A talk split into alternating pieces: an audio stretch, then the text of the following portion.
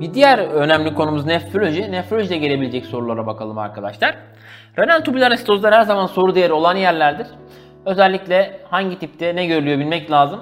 Tip 1, 2 ve 4 vardır arkadaşlar. Tip 1 de distal tübüllerde bir patoloji söz konusu ve distal olarak hidrojen iyon sekresyonunda bir patoloji söz konusudur. Ve buna bağlı olarak da ne olmakta? İdrarın pH'i yüksektir, 5,5'un üzerindedir. Çünkü idrara hidrojen atılamıyor vücuttaki metabolik alkaloz durumuna rağmen ve bu yüzden de hastalarda anion gap'i normal metabolik asitoz tablosu ortaya çıkmaktadır. Serum potasyumu da tipik olarak geri emilemediği için düşüktür. Tedavide de ne verilir arkadaşlar? Asidozla tedavi bikarbonattır. Dikkat edelim. Ancak pH 7.1'in altına düşünce tedavi verilir. Yine tip 2 renal tübüler asitoz proksimal tübüllerde bir patoloji söz konusu. Proksimal tübüllerde amonyum ve bikarbonatın kaybı söz konusudur. Bunlarda da anion gap normal bir metabolik asitoz olmakta ancak distal tübüller görevini yerine getirdiklerinden dolayı idrarın pH'i tipik olarak 5.5'ün altına düşürülebilmektedir. Yine bunlarda da potasyum düşüktür geri emilemediğinden tedavide bikarbonatlar ve proksimal tübül fonksiyonu olan D vitamini sentezde bozuk olduğundan dolayı vitamin de verilmelidir arkadaşlar. Tip 4 renal tübüler asitozsa aldosteron eksikliği veya direnci söz konusudur bu hastalarda.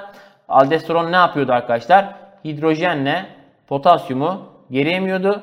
Sodyum ve suyu hidrojen ve potasyum atıyordu. Sodyum ve suyu geri emiyordu. Eğer ki aldosteron eksikliği veya bozukluğu varsa ne olacaktır? Vücutta hidrojen birikecek ve asitoz olacak ve yine vücutta potasyum birikecek ve potasyum değeri yüksek olacaktır arkadaşlar. Ancak bu hastalarda distal tübüller fonksiyon sürdüğünden dolayı bu hastalarda da idrar pH'i 5.5'un altına çekilebilmektedir. Bunlarda da özellikle bikarbonat ve yine potasyum kısaltlaması ve yine fludrokortizon dediğimiz tedavi mineralokortikoid özelliği olan kortizol tedavisi uygulanmaktadır arkadaşlar.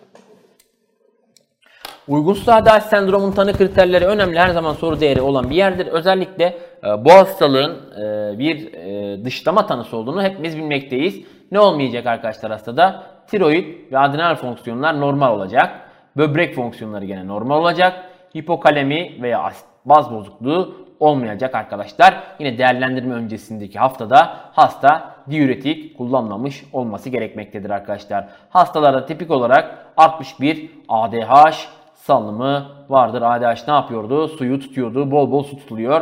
O yüzden serum ozmolatesi ne oluyor? Düşüyor 275'in altına. Ancak klinik olarak hasta övelemiktir. Klinik olarak övelemik ne demek? Ne ödem vardır ne hipertansiyon vardır. Bunun nedeni ise artmış bir e, vücuttaki sıvıya bağlı olarak alt yumlardan salınan akciğer natriuretik peptitin artması ve hem sodyumu hem de suyu idrarla atmasıdır arkadaşlar. Yani idrarın ozmolaritesi bu da sodyumun atışına bağlı olarak 100'ün üzerinde ve yine idrarı sodyumu da 40'ın üzerindedir arkadaşlar klinikten bağımsız olarak. Özellikle destekleyici kriterler de önemli. İzotonik mai infüzyonu ile hiponatremite değişim olmaması ya da kötüleşme olması önemlidir. Yine sıvı kısıtlaması ile hiponatremide düzenli olması yani uygunsuz adalet sendromuna bağlı hiponatremide ilk yapılacak şey neymiş? Sıvı kısıtlamasıymış dikkat edelim. Yine serum ürik asidi ve serum e, bum, bum değeri onun altında ve 4'ün altındadır arkadaşlar. Yine e, fenası %1'in üzerinde, febunu ise %55'in üzerindedir. Yani sodyum ve bum üre atılmaktadır. Vücutta birikmemektedir. Bunun önemli bir ayrımına giren önemli bir hastalık vardı. Serebral tuz kaybettirici enteropati arkadaşlar. Serebral tuz kaybı sendromu. Bu hastalarda beyin hasarı sonucunda santral sempatik deşarjın azalmasına bağlı olarak BNP gibi natriurez faktörlerinin artması var ve buna bağlı olarak da natriurez ve hiponatremi tablosu ortaya çıkmaktadır. Laboratuvar açısından hemen hemen birebir e, uygunsuz adalet sendromu vardır. Ancak ondan önemli farkları hastalarda ileri miktarda sıvı atılımından bağlı olarak bir hipovolemi söz konusudur. Ve bu hastalarda tipik olarak bum ve kreatin değerlerinde bir artış ortaya çıkmaktadır. Prerenal azotemi gelişmektedir belli bir süre sonra. Tuz kaybettiren nefropatiler ise Fanconi sendromu, Bartter ve Citelman sendromu, tip 4 renal tübüler asidoz, medüller kistik böbrek, medüller süngör böbrek ve polikistik böbrek hastalığıdır arkadaşlar. Bunların hepsinde tuz kaybettirici nefropati ortaya çıkmaktadır. Sodyumun, potasyumun, klorunun, kalsiyumun hepsinin eminimi bozulmuştur. Arkadaşlar dikkat edelim. Steril püri yine idrarda idrar kültürü negatif hastada idrarda lökosit olması anlamına gelmektedir. Önemlidir, soru değeri olan bir yerdir. 4 tane yerde gözüküyor. 1 tüberküloz, 2 klamidya, 3 intersiyel nefrit. Bu hastalarda tipik olarak eozinofili vardır.